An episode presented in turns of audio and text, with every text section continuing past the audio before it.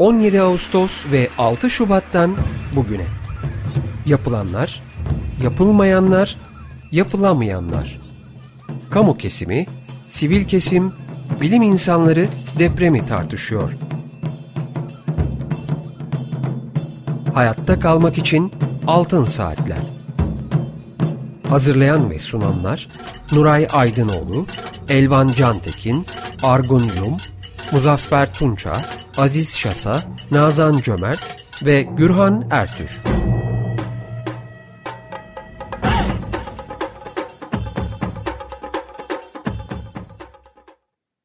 Açık Radyo'da Altın Saatler programındayız. Bugünkü programı Mehmet Nuray Aydınoğlu, Aziz Şasa, Elvan Cantekin ve ben Gürhan Ertür birlikte sunuyoruz. Teknik Masa'da Berke Akmeşe sesimizi sizlere ulaştıracak. Telefon numaramız alan kodu 212 343 40 40. Elektronik posta adresimiz açıkradyo.com.tr Altın Saatler programlarının ses kayıtlarını Açık Radyo'nun internet adresinde podcast bölümünde dinleyebilirsiniz. Bugünkü programımızın destekçisi Taşkın Özdemir'e teşekkürlerimizi sunuyoruz. Efendim bugün konuğumuz Tınaz Titez Bey. Tınaz Bey hoş geldiniz programımıza efendim. Hoş gördük Güran Bey. Merhabalar. Merhabalar. Evet, e, Nuray Hocam, Aziz Şasa, Elvan Can Tekin, sizler de hoş geldiniz programa. Bulduk efendim. Merhabalar. Merhabalar. Merhaba Evet. herkese. E, Tınaz Bey çok tanınan bir isim ama ben kısaca e, tanıtmak istiyorum. İstanbul Teknik Üniversitesi Mimarlık ve Mühendislik Fakültesi Elektrik Mühendisliği bölümünden mezun. Ankara, Zonguldak ve İstanbul Milletvekilliği 1985-88 yılları arasında İstihdam, Bilim ve Teknolojiden sorumlu Devlet Bakanlığı, 1988-89 yılları arasında ise Kültür ve Turizm Bakanlığı yaptı. ODTÜ'de dersler verdi. Çok sayıda kitabı ve yayını var. Sivil toplum çalışmalarına büyük katkılarda bulunuyor. Beyaz Nokta Gel- Gelişim Vakfı kurucusu, Dünya Verimlilik Akademisi üyesi, Türkiye Bilişim Vakfı kurucu üyesi, İstanbul Bilim Merkezi Vakfı kurucu üyesi, İş Vakfı kurucu üyesi, Bedensel Engellileri Güçlendirme Vakfı kurucu üyesi, Müteşebbisler Kulübü kurucu üyesi ve Türkiye Bilişim Derneği üyesi. 2018 yılında da Türkiye Bilişim Sanayicileri Derneği'nin Yaşam Boyu Hizmet Ödülünü aldı. 1995'ten bu yana yönetim danışmanlığı ki sistem mühendisliği, soru konferansı e, mo- moderatörlüğü, değişim yönetimi konularında yönetim danışmanlığı yapıyor ve tnastiz.com adresinde açıklanan bütün çalışmalarını e, bulabilirsiniz. 99 yılında gerçekleşen depremler öncesinde Açık Radyo'nun yayın ilkelerinin belirlenmesinde ve Altın Saatler programının başlatılmasında Tınaz Bey ile rahmetli Profesör Doktor Aykut Barkan'ın belirleyici rolü olmuştur. Evet Tınaz Bey tekrar tek hoş geldiniz efendim Hoş programımıza. gördük. Çok Evet. teşekkür ederim. Ee, biz e, size minnet borçluyuz Açık Radyo olarak. Es- Gerçekten es- estağfurullah. Estağfurullah. 99 yılında gerçekleşen depremler değil, ondan sonraki bütün afetlerde de o ilk en heyecanlı günlerde birlikte yaptığımız toplantılarda üzerinde durduğunuz ilkeler, e, yayın politikası, afet dönemlerinde izlenecek yayın politikası konusundaki e, görüşlerinizi paylaşmanız bizler açısından son derece değerli oldu ve hala bunlara dikkat ediyoruz. O döneme ilişkin anlatılması gereken çok olay var, e, çok anı var ama bugünkü programımızda artık günümüze doğru geliyoruz ve beklenen İstanbul depremi konusunda sizin 29 Aralık 2023'te kaleme aldığınız önerilerinizi, e, alınması gereken önlemlere ilişkin görüşlerinizi konuşmak istiyoruz. Ama şöyle bir 99'dan bu yana e, nasıl değerlendiriyorsunuz e, durumu, e, Türkiye'nin afetlere karşı durumunu ve tutumunu e, bunu paylaşırsanız çok seviniriz. Buyurun efendim. Ee, Estağfurullah. Çok teşekkür ederim. Yani bu konuda e, gerçek uzman olan e, kişilerin e, yanında e, onlara hitap ederken e, çok dikkatli olmak gerektiğini bilincindeyim. E, hiçbir şekilde ne afet yönetimi ne deprem mühendisliği konusunda yani kimseden rol çalmak gibi katiyen bir düşüncem yok. Sadece işe bir bütün olarak diğer bileşenleriyle birlikte bakıldığında e, görüneni ancak e, ortaya koymaya çalışıyorum. Maalesef 1999'dan bu yana e, siyasetin e, işte bu kirli tarafı yani onu özellikle belirtiyorum. Siyaseti genellikle kirli bir iş olarak e, algılamak e, eğilimi var ama ben doğrusu Eflatun'un tanımını benimsiyorum. Siyaset e, toplumları mutlu etme sanatıdır e, diye bakıyorum. Dolayısıyla bu kirli bir şey olamaz ancak yani kirli bir yüzü olabilir. Maalesef o kirli yüzü 99 depreminden bu yana e, hep egemen oldu. E, yani çeşitli partiler geldi gitti ama e, hep o egemenlik devam etti. Onun için maalesef e, bugün geldiğimiz noktada e, titreyerek işte beklenen Marmara depremini e, ne zaman olacağına bakıyoruz. E, ben şöyle kısa süre içinde yani ne söylemek istiyorsunun başlıklarını bir bilsek diyeceğinizi düşünerek beş tane başlık belirledim. Müsaade ederseniz onları Lütfen. söyleyeyim. Ondan sonra sorular, katkılar olursa tabii ki e, orada cevap vermeye çalışırım. Şimdi e, bunları sıra numarasına koydum. Yani birinciye de sıfırıncı dedim. Hani meşhur termodinamiğin sıfırıncı yasası gibi hepsinden önemli olduğu için e, bu dünyada herhalde çok nadir olan bir olayla karşı karşıyayız.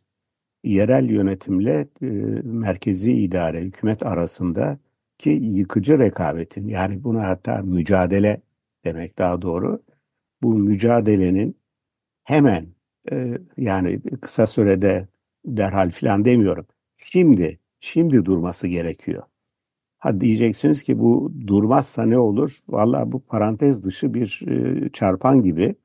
Bu yerine gelmediği takdirde e, bundan sonra söyleyeceklerimin, başkalarının da söyleyeceklerinin fazla bir önemi kalmıyor.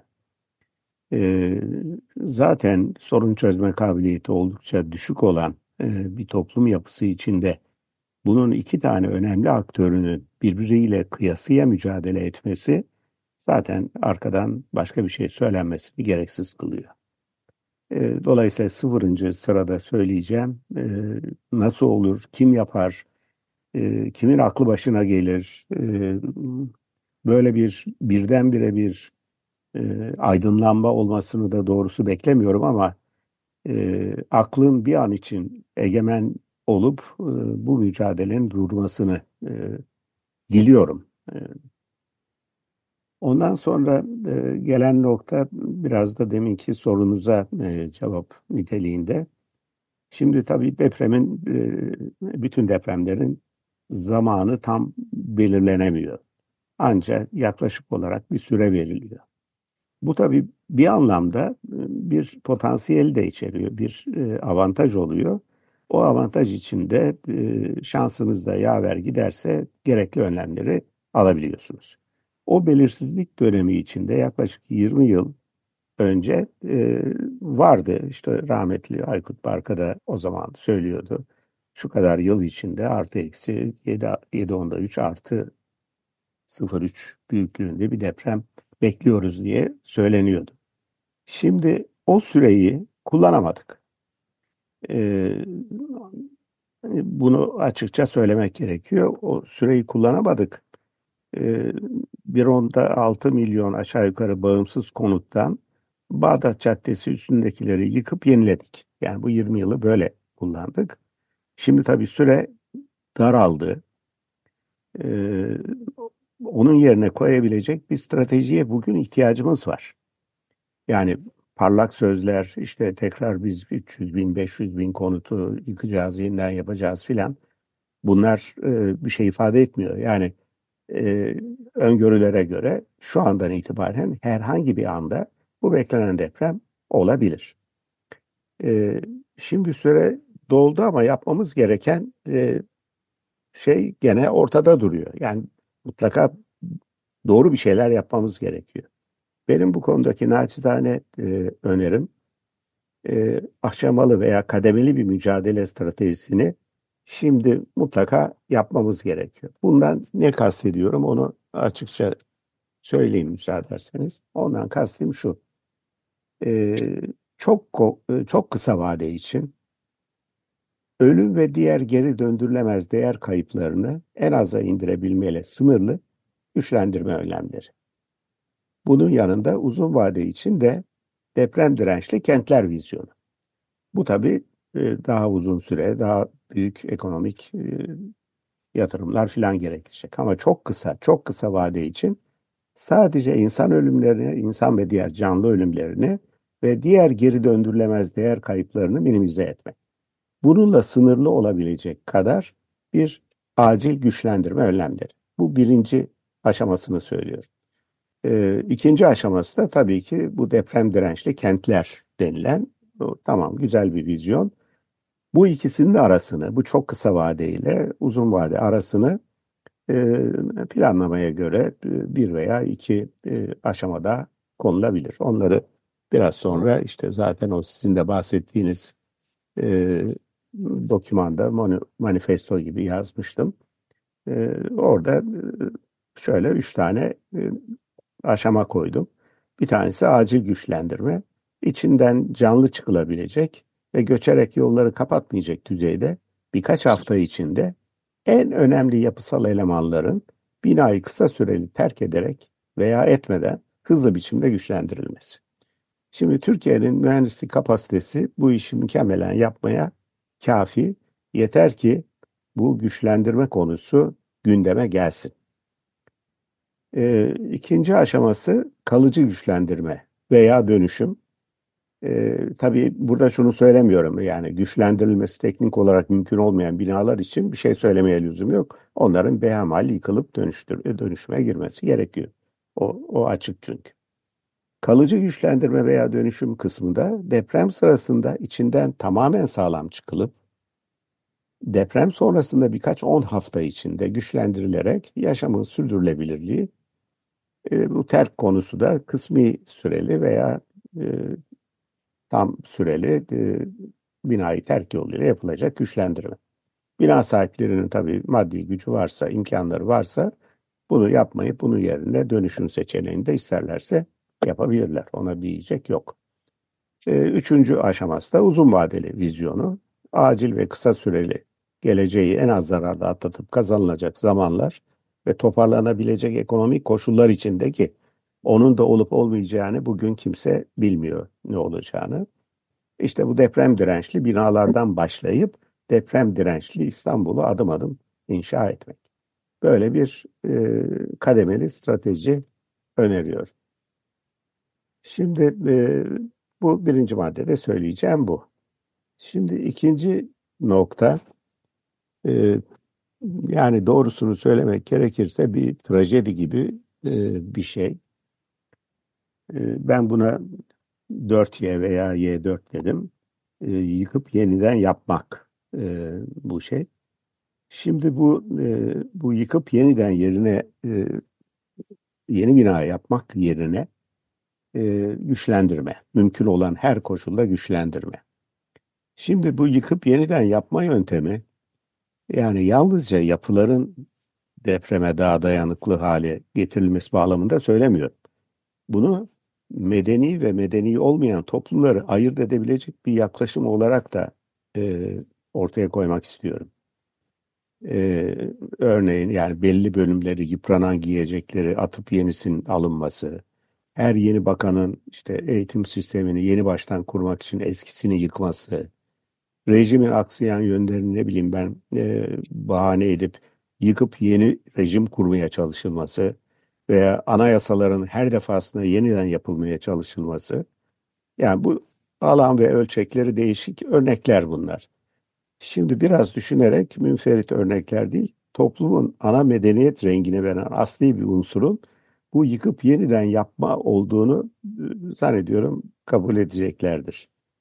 Halbuki medeniyet yani binlerce yıllık birikimin aksayan yönlerinin sürekli olarak yenilenmesi çok nadir hallerde de devrimsel değişimlerle daha temelden değiştirmelere bağlı ki o da yeni yapı taşlarını koruyorlar.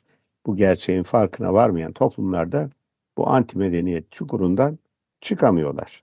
E, ikinci söylemek istediğim de bu. E, kısacası yani Türkiye'nin bu hayati sorununu, deprem sorununu yık yap satçı zihniyetten kurtarmak gerekiyor. Bu bağlamda bir soru e, sorarak zannediyorum o zihniyeti daha iyi ortaya koyabilirim. E, İstanbul gibi sadece bizim değil, bütün dünyanın e, göz bebeği olan bir şehir kaç yıllıktır diye sorsam, yani kaç yıllık bir kültüre sahiptir? Şimdi hemen aklımıza belki birkaç bin yıl diyecektir. Ben buna itiraz ediyorum. Hayır, İstanbul 30 yıllık bir kültürü vardır. 30 yıldan daha eski bir kültürü yok. Yıkıyoruz sürekli. Her şeyi yıkıyoruz. Elimizde olsa bütün tarihi eserleri falan da yıkacağız. Hepsini betonlayıp yeniden yapacağız. Onun için bu yıkıp yeniden yapma kültürünü mutlaka mutlaka mutlaka e, mümkün olan hallerde e, güçlendirerek bu sadece binalar için değil her şey için söz konusu. Şimdi Elman'ın bir sorusu var. Bu, bu konuda bir soruyla Tabii. araya girebilir miyim? Buyurun, buyurun Şimdi efendim. esasında çok e, yani e, benim de kabul şey yaptığım gerçekten düşündüğüm bir şey noktayı siz de söylediniz. İstanbul'un kent kültür esasında 30 yıllık neredeyse. Evet, evet. Yani e, bu kenti e, bu 30 yıllık kültür de çok kötü gelişmiş e, bir altyapının üzerine oluşmuş bir kültür. Maalesef. maalesef. E, o noktada bunu korumanın e, faydası ne? Yani e, biliyorsunuz afet e, konusu zaman zaman bir takım e, şeyler de e, fırsatlar da yaratıyor. Ve bu noktada biz e, İstanbul'la ilgili yapılacak bu çalışmaları, bu yatırımı bir fırsat olarak değerlendirip 30-40 yıllık bu e, plansız, e, çirkin e, kültür diyoruz ama hani e, kültür tanımı da e, kendi içerisinde tabii tartışılır. E, onu değiştirme olana e, elimize geçmişken bunu kullanmak e, e, söz konusu olabilir mi? Birincisi o. İkinci soru e, gene şeyle ilgili, hani acil güçlendirme dediğiniz konuyla ilgili. Bu bir, çok ciddi o finansman isteyen bir konu. Ve bu konuda da e, hani e, zaten finansman da öyle bir başlık ki hakikaten bugüne kadar doğru düz bir sonuç bir cevap bulunamadığı için diyeyim e, hala e, gerek karar vericiler açısından olsun gerek kamu e, açısından olsun e, üzerinde çabalanan e, tartışılan bir konu. E, bu e, noktada acil güçlendirme nasıl finanse edilebilir? Nasıl bir e, öngörünüz var bununla ilgili? Bu Anladım. iki konuyu e, şey yapabilirsiniz, açabilirseniz sevinirim. Tabii, çok teşekkür ederim. Şimdi efendim birincisi şu, e, hani Napolyon için e, ithaf, ona ithaf edilir. İşte her seferinde geldiği yere top atarak karşılanıyormuş. Günün birinde işte karşılamışlar ama top filan atışı yok. O da tabii sormuş yani niye yok diye. Valla demişler yani 40 tane sebebi var. Nedir 40 tane sebep? Bir tanesi barut yoktu deyince yani diğer 39'unu saymayın demiş adam. Şimdi e, yıkıp da yeniden bütün şehri yenilemek e, e, e, tabii 40 tane nedeni var bunun olamayacağını. E, bir tanesi para yok. E, o kadar yok ki e, yani siz şimdi seçime doğru e, bu atmosferde söylenenleri bir kenara bırakırsanız Türkiye şu anda emeklilerinin maaşını vermek için e, kime ne kadar toprak satıldığını bilmediğimiz bir durumda e, bu işi yapıyor. Finansmanı böyle sağlıyor. E, hiçbir yabancı ülkeden makul koşullar altında kredi alamıyoruz. E, hazinemiz tam takır. borcumuzun faizini ödeyemiyoruz. Türkiye Cumhuriyeti e, defakto olarak iflas etmiş durumda. Onun için böyle bir durumda birkaç trilyon dolar gibi bir e, paranın bulunup ondan sonra birkaç on sene gibi devam edecek bir e, şey şu anda fiziken mümkün değil. Bu bir. İkincisi böyle bir şeyi herhangi bir nedenle e, bulunduğu zaman dahi şu anda e, bunu yapabilecek olan bir süre de yok ortalıkta. E, dolayısıyla önerim böyle bir imkanı varsa, Türkiye böyle bir para bulursa şehrini bu söylediğim üçüncü aşamalı deprem dirençli kent e, vizyonu uyarınca tabii ki yapsın. O esnada kültürünü de e, ortaya çıkarsın e, filan. Onlara hiçbir itirazım yok. Benim söylediğim şu anda mümkün olduğu kadar az insanın ölmesi ve geri döndürülemez e, değer diyeceğim. Onları bir makalemde de açıkladım. Sizlerle de paylaşabilirim isterseniz. Onları kaybetmemek üzere e, güçlendirmeyi iki aşamaya bölmesi. Bir tanesi neredeyse içindeki insanlar tarafından e, yapılabilecek olan e, önlemler. Öbürü de e, mühendislerimizin e, gerçekten yapabileceği bazı e, pratik çözümler dolayısıyla e, ölmeden ama ancak belki ufak tefek yaralanmalarla e, binayı e, ölmeden e, terk edebilecek kadar bir güçlendirmeyi ve yolların kapanmadan oralara yardım eriştirilebilir düzeyde e, düzeyle sınırlı olacak kadar bir acil güçlendirmeyi kastediyorum. Yoksa bütün binaların karbon elyafla e, güçlendirilmesi, işte projelerin yapılması falan gibi onları ikinci aşamaya bırakıyorum. E, kalıcı güçlendirmeye bırakıyorum. E, e, oradaki maliyet unsurları da belli. Yani yıkıp yeniden yapmanın aşağı yukarı metrekare maliyeti işte bin dolarsa öbürü de aşağı yukarı yüzde yirmi ile 25 veya 30 arasında yer alıyor. Ee, tabii ki orada ne arzu ettiğinize bağlı. Orada e, ben de bir 11 katlı e, binada oturuyorum. E, insanların öyle e, şeyleri var ki, öyle arzuları var ki e, hani hazır yenilemişken ya e, kalorifer tesisatımızı da yenileyelim. Hazır yapmışken asansörleri de yenileyelim. Hazır yapmışken şunu da yapalım dediğiniz takdirde bu başka bir şey. Karşı karşıya bulunduğumuz durumun tam takdir edilmeyişinden, edilemeyişinden kaynaklanan e, bir e, anlayış eksikliği. Dolayısıyla bizim sadece şu anda e, nereye varmak istediğimizi alt sınırını koymamız gerekiyor. Üst sınırı ondan sonraki imkanlarınıza ve önünüzdeki süreye bağlı. Onları o zaman yaparsınız. Bir harp çocuğu harp içinde doğmuş ve her şeyini yamayarak giymiş, ayakkabısını dahi iki defa üç kere pençeletip giymiş bir neslin çocuğu olarak bu kadar yokluk içinde her şeyi yıkıp yeniden yapmak gibi bir e, şeyin bence gerçekleşebilecek bir proje olmadığını düşünüyorum. E, evet. Şey bu. Finansman güçlükleri e, dediğiniz gibi çok doğru. Burada netice itibariyle e, uluslararası fonlardan filan belki yararlanılabilir. Uluslararası e, toplumun bir kültür mirasıdır. Belki oradan bir şeyler gelir. Ama sonuçta bu işi ödeyecek olan gene Türk halkıdır e, finansmanın kaynağı orasıdır. İşte bankaların, orada benim önerim bankaların bir konsorsiyum yapması ve uzun vadeli krediyle e, insanlara kredi vermesi. Yani başka yapılacak bir şey yok. Belki o kredinin maliyeti bir miktar uluslararası fonlarla azaltılabilir. Hepsi bu kadar. Ama e, net yani pazarlığa kapalı olan e, vizyonu minimum can kaybı ve başkalarına yardımı önleyebilecek yolların kapanmasına engel olucu çareler diye e, düşünüyorum. Nuray Hoca'nın bir sorusu var. Buyurun efendim. Evet Nuray Hocam mikrofonunuzu açar mısınız? Evet. Efendim e, meseleyi çok iyi koydunuz e, ortaya. E, ben naçizane bu işin hem akademik tarafında hem de daha ziyade belki de mühendislik tarafında olan bir kişi olarak e, söylediklerinize katılıyorum fakat bazı noktalardaki sıkıntılarımızdan, eksikliklerimizden de bahsetmek istiyorum. E, Türkiye'nin mühendislik kapasitesinin yeterli olduğunu söylediniz. Evet. Doğrudur.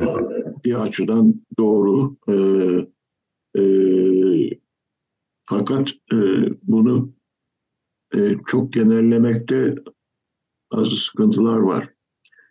Şimdi özellikle son 20 yıldır üniversitelerimizin durumu işte her, her ilde, kasabada üniversite açma e, inadı, tutkusu yüzünden mühendislik eğitimi, özellikle inşaat mühendisliği eğitimi çok kritik dönemlerden geçiyor ve kalite bakımından çok düşük noktalara maalesef indi. Öte yandan mesleki kualifikasyon sisteminin bir türlü hayata geçirilememesi, e, diğer deyişle okuldan mezun olan mühendislere daha birinci günden proje yapma yetkisinin verilmesi çok büyük bir problem olarak ve giderek artan bir problem olarak ortamız, ortada. Çünkü üniversiteden yeterli bilgiyle teçhiz olarak e, mezun olamayan mühendislerin uygulamada neler yapabileceğini tahmin etmek zor değil. E, büyük bir kalite sorunuyla, mühendislik hizmetlerinde büyük bir kalite sorunuyla karşı karşıyayız. Şimdi özellikle sizin çok haklı bir biçimde ifade ettiğiniz e, güçlendirme konusu bu bakımdan büyük e, kritik bir durumda. Çünkü güçlendirme yeni yeni yani proje olarak söylüyorum yeniden yapmaya oranla daha zor bir şey. Yani e, yeni bir elbiseyi dikmek mesela bir konfeksiyon sistemi gibi düşünürseniz e, güçlendirme biraz terziliğe benzeyen bir her her binanın kendine özgü bir durumu var, kendine özgü bir riski var, hasar riski var ve kendine özgü bir e, güçlendirme imkanları var.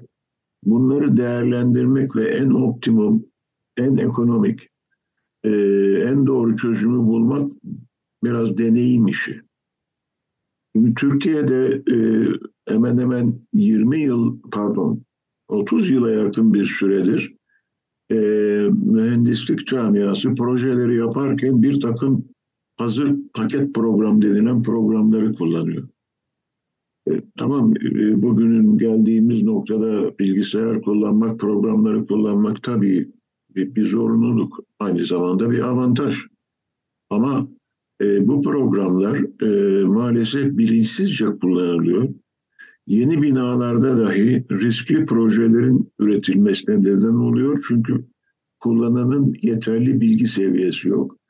Güçlendirmeye gelince daha da kritik oluyor. Dediğim gibi güçlendirme basit bir iş değil projelendirme bakımından. Bunu otomatik hale getirmek fevkalade zor ve tehlikeli. Buralarda problemlerimiz var. Çok uzatmak istemiyorum. Ee, sizin e, bir de şunu dikkatimi çekti. Acil güçlendirme fikri çok iyi gerçekten. E, vurguladığınız gibi can kayıplarını en azından azaltmak ve özellikle tabii binaların yıkılıp yolların e, kapanmasının ve dolayısıyla yardım imkanlarının e, engellenmesini sağlamak bakımından. E, fakat bu da kolay bir şey değil. E, çünkü e, yani her şeyden önce biz mevcut binalarımızın durumunun bilemiyoruz. Biliyorsunuz İstanbul Büyükşehir Belediyesi e, yeni yani mevcut yönetimi göreve geldiği 2019 yılından bu yana bir takım çalışmalar yaptı bu alanda. Fakat bunların e, tamamlandığını söyleyemiyoruz. Ancak global manada bir takım sonuçlar elde edildi ve bu sonuçlar çok ümit kırıcı. O kadar kalitesiz binalarımız var ki bunların nasıl güçlendireceğinizi pek e, bilemiyoruz yani. Ve bunların büyük bir kısmının yıkılması en rasyonel teknik çözüm gibi görünüyor. Ama dediğim gibi bütün resmi de gördüğümüzü söyleyemeyiz. Şimdi hangi binalara kısmi şey yapacağız, güç, acil pardon acil güçlendirme yapacağız. Bunu belirlemek bile bir problem. Ee, mesela bizim en büyük problemlerimizden biri bu imar barışı denilen e, felaket yüzünden e, hiçbir şekilde mühendislik hizmeti almamış binalarımızın çokluğu. E, acil güçlendirme olarak bilmiyorum sizin kafanızda ne var? Yani çünkü e, akla gelen veya uygulamada son depremlerden sonra da biraz böyle reklamı yapılan bazı şeyler var. Ama o da kolay bir şey değil. Yani e, e, çünkü dediğiniz gibi bunun tercih edilen yönü e, herhalde insanları fazla rahatsız etmeden hatta evlerini terk mecbur bırakmadan bu işi becermektir. Ama bunu yapabilecek mucizevi yöntemleri de ben pek göremiyorum maalesef. Biraz uzattım isterseniz. Estağfurullah. Estağfurullah. Bir küçük, evet. bir küçük ara verelim mi Tınaz Bey? Tabii nasıl isterseniz. Müzik Tabii. parçasını dinleyelim, parçamızı tamam efendim. dinleyelim. Evet, e, bugün müzik parçamızı her zaman olduğu gibi Berke Akmeşi arkadaşımız seçti. Dinliyoruz efendim. Evet, Açık Radyo'dayız. Altın Saatler programının ikinci bölümündeyiz. Bu arada Argun Yum ve Nazan Cömert de programımız başladıktan hemen sonra aramıza katıldılar. Onlara da hoş geldin diyelim. Evet, bugün konuğumuz Tınaz Titiz Bey. Kendisiyle e, özellikle son dönemde 29 Aralık 2023 tarihinde kaleme aldığı İstanbul depremi konusunda alınması gereken önlemlere ilişkin görüşlerini, önerilerini konuşmaya devam ediyoruz. Buyurun Tınaz Bey, söz sizde. Teşekkür ederim, sağ olun. Efendim önce e, karşı karşıya bulunduğumuz problemin hani güç olduğu, e, karmaşık olduğu konusunda ki e, ifadelere bütünüyle katıldığımı hemen söylemem lazım. Yani bu, bu kesin. E, ve bu güç problemi çözemediğimiz takdirde ne olabileceği konusu da o da aşağı yukarı çok net olarak görünüyor. Ee, yani ben bu her türlü problemin karşısına işte o dış güçler, bizi çekemeyenler falan gibi bir e, şeyle e, çıkmanın çok e, komik ve işe yaramaz olduğunu düşünüyorum ama e, ortada bir de gerçek bir tablo var. Yani e, Türkiye e, karşısına Sevr diye bir e, muayede konmuş.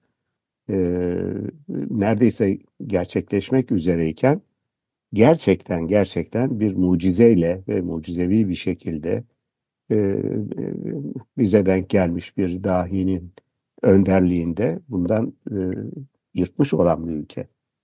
Dolayısıyla e, onu düşünmüş olan insanlar e, bundan vazgeçmediler. Bugün Türkiye e, bir tarafa, İstanbul bir tarafa ne yapıp yapıp bu İstanbul'u tekrar e, ele almak isteyen e, güçler hala hareket halinde.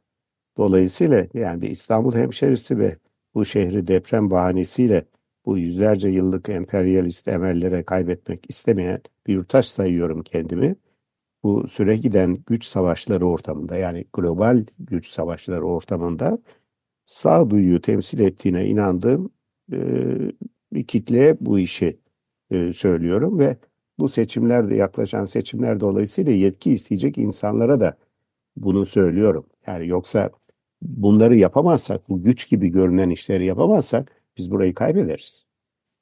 Yani daha ileri gitmiyorum. İşte Türkiye egemenliğini kaybeder filan gibi. İşte milli gelirinin yüzde otuz beşini hala üreten bir bölgeden e, söz ediyoruz.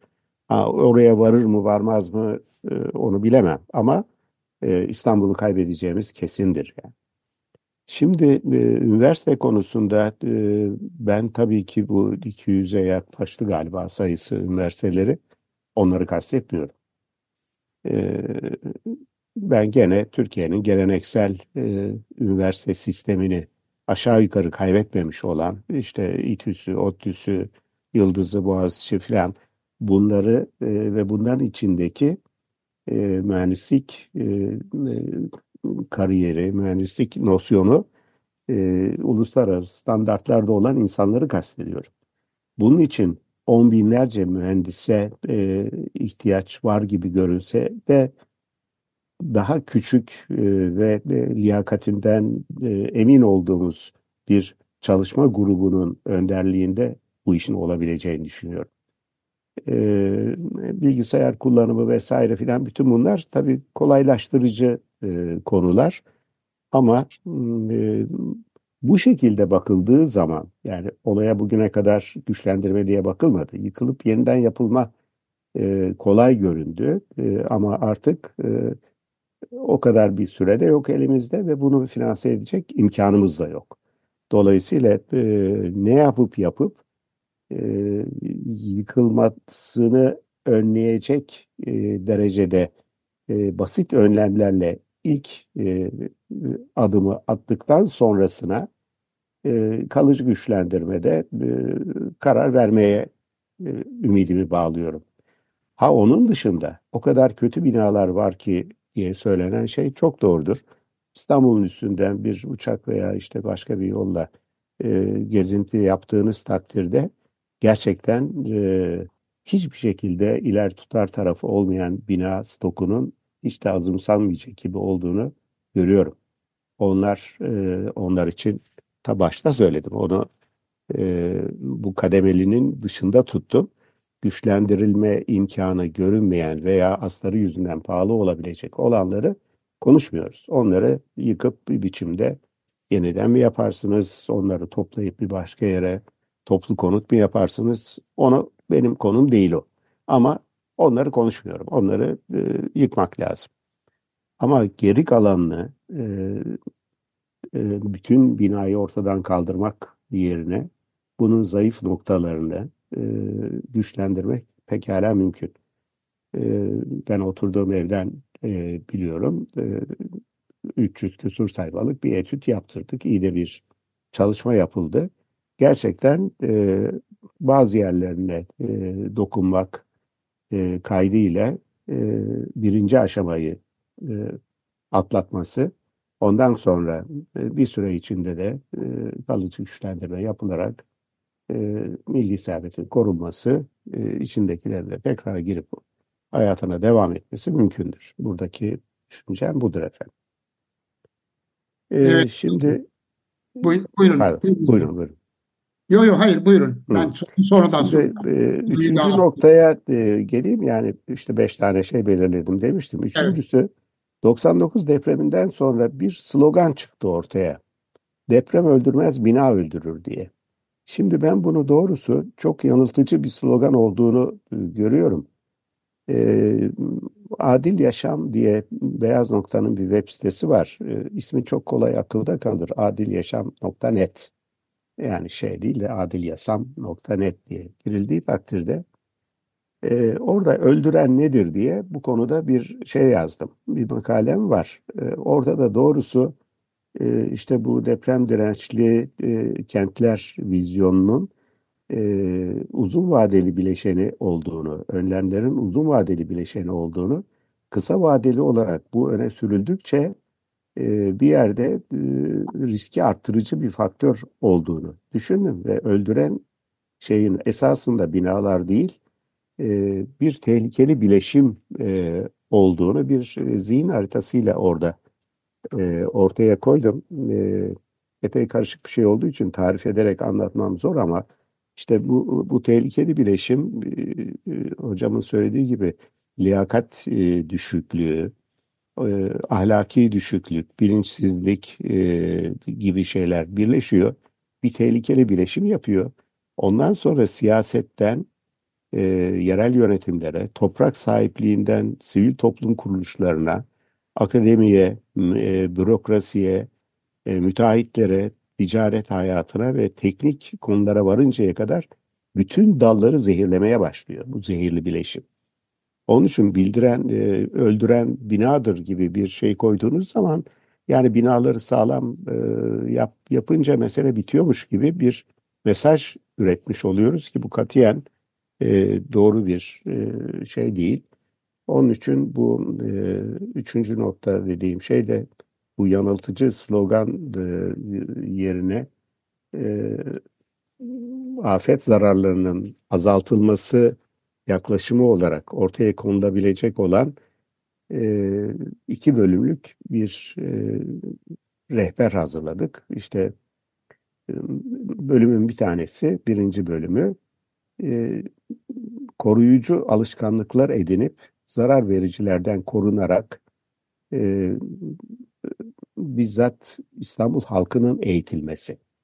Yani en basiti e, ilk yardım e, yetenekleri kazanmış insanımız. Basit yangın söndürme tekniklerini öğrenip e, büyük yangınların çıkmasına engel olmuş bir insan bilinç düzeyi. İkincisi de dayanışma konusu. 99 depreminden sonra BBC'nin yaptığı çok güzel bir e, belgesel var. E, adresi de bu söylediğim adilyaşam.net'te var. E, enkaz altından kurtulan, hatta su içine gözünü açıp oradan kurtulan insanlarla kısa yapılan böyle söyleşileri birleştirmişler. Orada hepsinin birden işaret ettiği bir ortak nokta var. Ee, devletin yardımı, işte arama kurtarma ekiplerinin e, çalışmaları vesaire bunların hepsine e, prim veriyor. Ama en önemli konunun da e, yakın e, komşuluk ilişkilerinin verdiği dayanışmanın en önemli e, koruyucu e, veya depremden, deprem zararlarından korunma etkisi olduğunu ortaya koyuyor.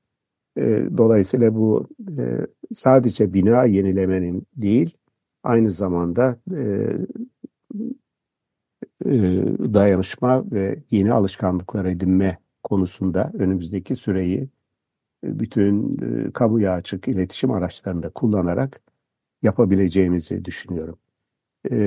Bütün bunlar tabii geniş bir alanda iyi organize olmuş, iyi idare edilen, iyi yönetilen bir e, toplu girişimi e, gerektiriyor. Evet, e, karşı karşıya bulunduğumuz resim bu. E, bunu yapıp yapmamak tabii özgürlüğümüz var. Yapmayıp biz efendim kadere teslim oluruz, ölürüz e, diyen de olabilir. E, dış güçler e, işte İstanbul'u e, ele geçirmek istiyordu.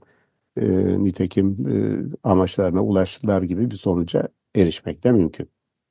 Şimdi son beşinci söyleyeceğim de sivil toplumun e, buradaki rolü e, nedir e, konusu. E, şimdi sivil toplum konusunda e, söylemek istediğim şöyle bir şey. Şimdi bu e, üçüncü sektör diye anılan e, sivil toplum biliyorsunuz. E, üçüncü sektör diye anılıyor. Doğası itibariyle e, bu e, hantal ve yolsuzluk girişimcilerin de değişme hedefi olan e, bir kamu kaynakları var ortada. E, bu kamu kaynakları e, gerçekten hedef e, gibi e, e tırtıklanmaya e, tırtıklanmaya hedef olan bir şey. E, bütün giriş şeyleri e, yolsuzluk e, girişimcilerinin değişmez hedefi burası. Şimdi sivil toplum e, bu nedenle eksik kalan hizmetlerin tamamlayıcısı değildir. Yani böyle böyle bakmamak gerekiyor. E, sivil toplum halkın vergilerinin bir devamı gibi sayılabilecek bağışlarla e, bu işleri yürütüyor. Sanki e, bu bağışları, bu eksikleri giderme algısı yaratıyor bu şekilde kullandığı sürece eksikliklerin başta nedeni olan bu hantallık ve yolsuzluklar aynen devam edecek. Yani Sivil toplum tabii ki bunu arzu etmiyor ama sonuçta oraya geliyor iş.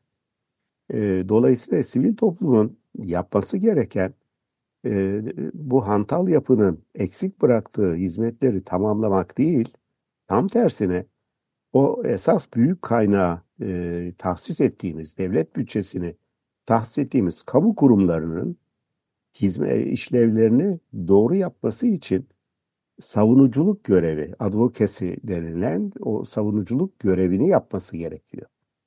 Ee, yoksa e, işte aman hemen koşalım, e, enkaz altına kalanları kurtaralım.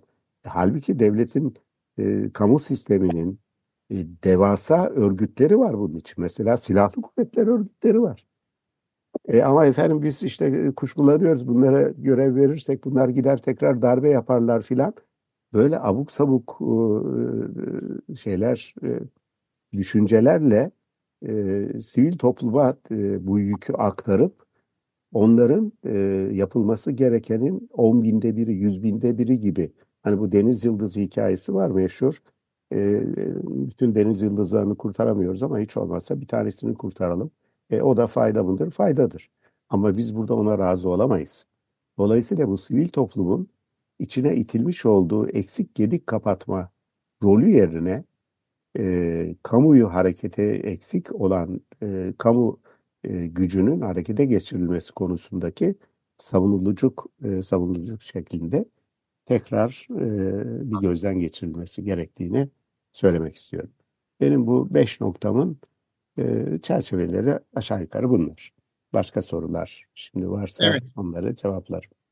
Çok teşekkürler Tınaz Bey. Aslında ben de e, araya giriyordum ama e, sizin devam etmeniz çok iyi oldu. Çünkü özellikle sivil toplum kuruluşlarının rolü üzerine belirttiğiniz noktalar son derece önemli ve e, çok da tartışılması gereken, özellikle Türkiye'de tartışılması gereken konular. Savunuculuğun e, başta olması gerektiğini belirtiyorsunuz. Fakat e, başta mücadele yerine işbirliği olarak tanımladığınız yerel ve merkezi idare arasındaki mücadele aynı zamanda Türkiye'de sivil toplum kuruluşlarıyla merkez ve yerel arasında da devam ediyor. Ee, bunu çeşitli örneklerimizde görüyoruz ve burada da yani bir parti farklılığı da söz konusu değil çoğu zaman. Yani evet. muhalefette olsun veya iktidarda olsun e, veya e, sivil toplum kuruluşlarından e, özellikle yoğunlaştığı çalışma alanlarının hemen hemen neredeyse hepsinde ortaya çıkan bir e, gerginlikten bahsetmemiz herhalde doğru olur. Aslında doğru. Türkiye'deki doğru. E, kutuplaşmanın da e, tabii ki hem yerele hem merkeze hem de e, sivil toplum kuruluşlarına e, yansıması gibi de değerlendirmemiz lazım diye düşünüyorum.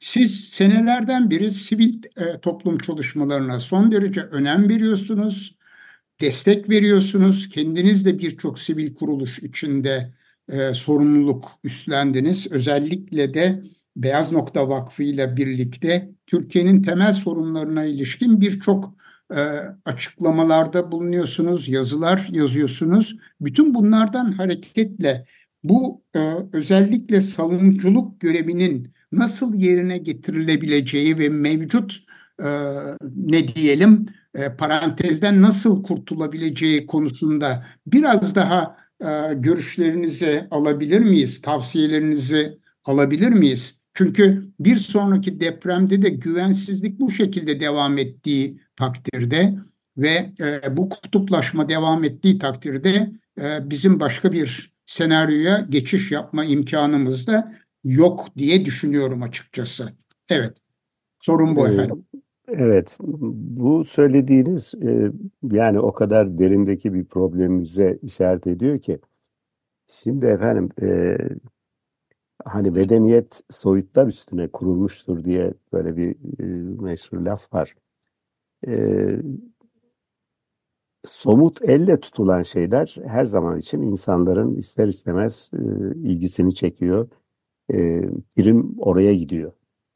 E, halbuki e, soyut kavramlar e, üstünde konuşmadan e, problemlerin tam ne olduğunu, niye olduğunu e, çözmeden e, yapılacak somut e, eylemlerin hiçbir yararı olmuyor.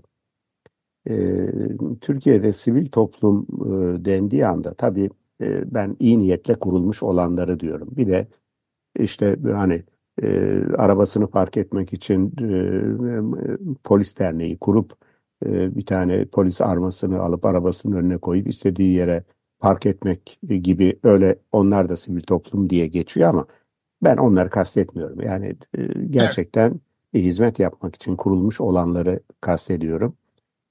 E, burada e, özellikle bu soyut somut e, e, ilişkisinin anlaşılabilmesi için zannediyorum e, bu kök sorun, hayalet sorun dediğimiz kavramın iyi anlaşılması, yani bu kadar çeşitli alana dağılmış binlerce, hatta belki on binlerce sorunun e, daha az sayıda e, kök sorundan, sorun elementinden, yapı taşlarından oluştuğunun anlaşılması, bilincinin yaygınlaştırılması gerekiyor.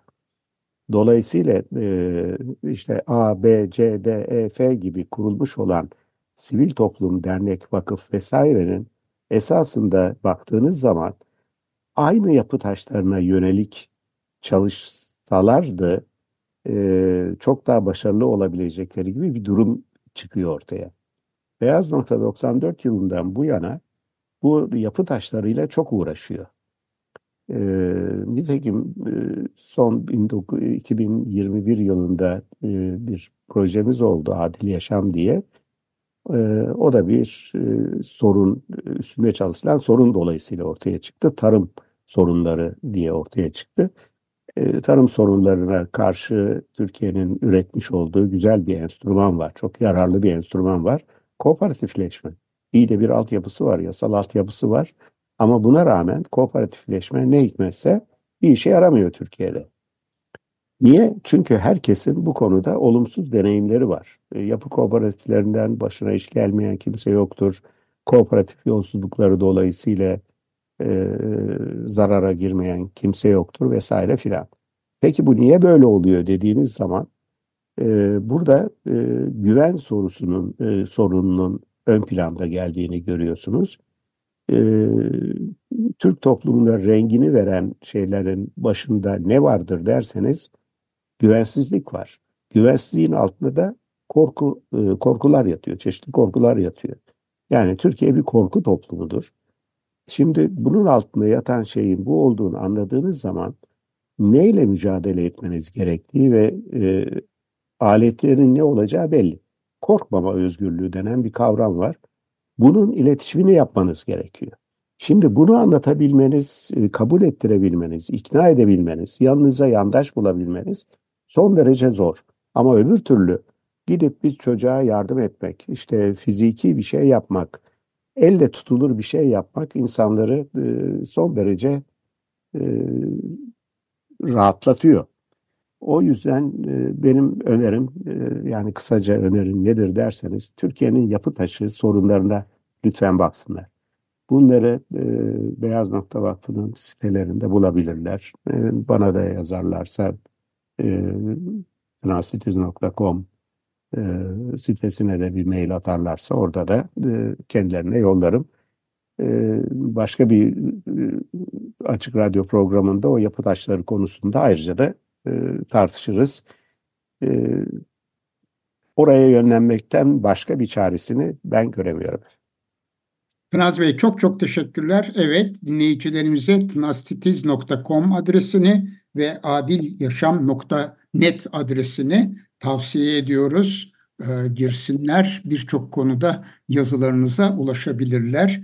E, programımıza verdiğiniz destek için tekrar teşekkürler Tınaz Bey. Önümüzdeki dönemde de yine e, size başvuracağız. E, sağ. Ve e, bugün e, Altın Saatler programını burada e, bitiriyoruz. Gelecek hafta yeni bir Altın Saatler programında görüşmek dileğiyle. Hoşçakalın. Çok teşekkür ederim. Sağ olun efendim.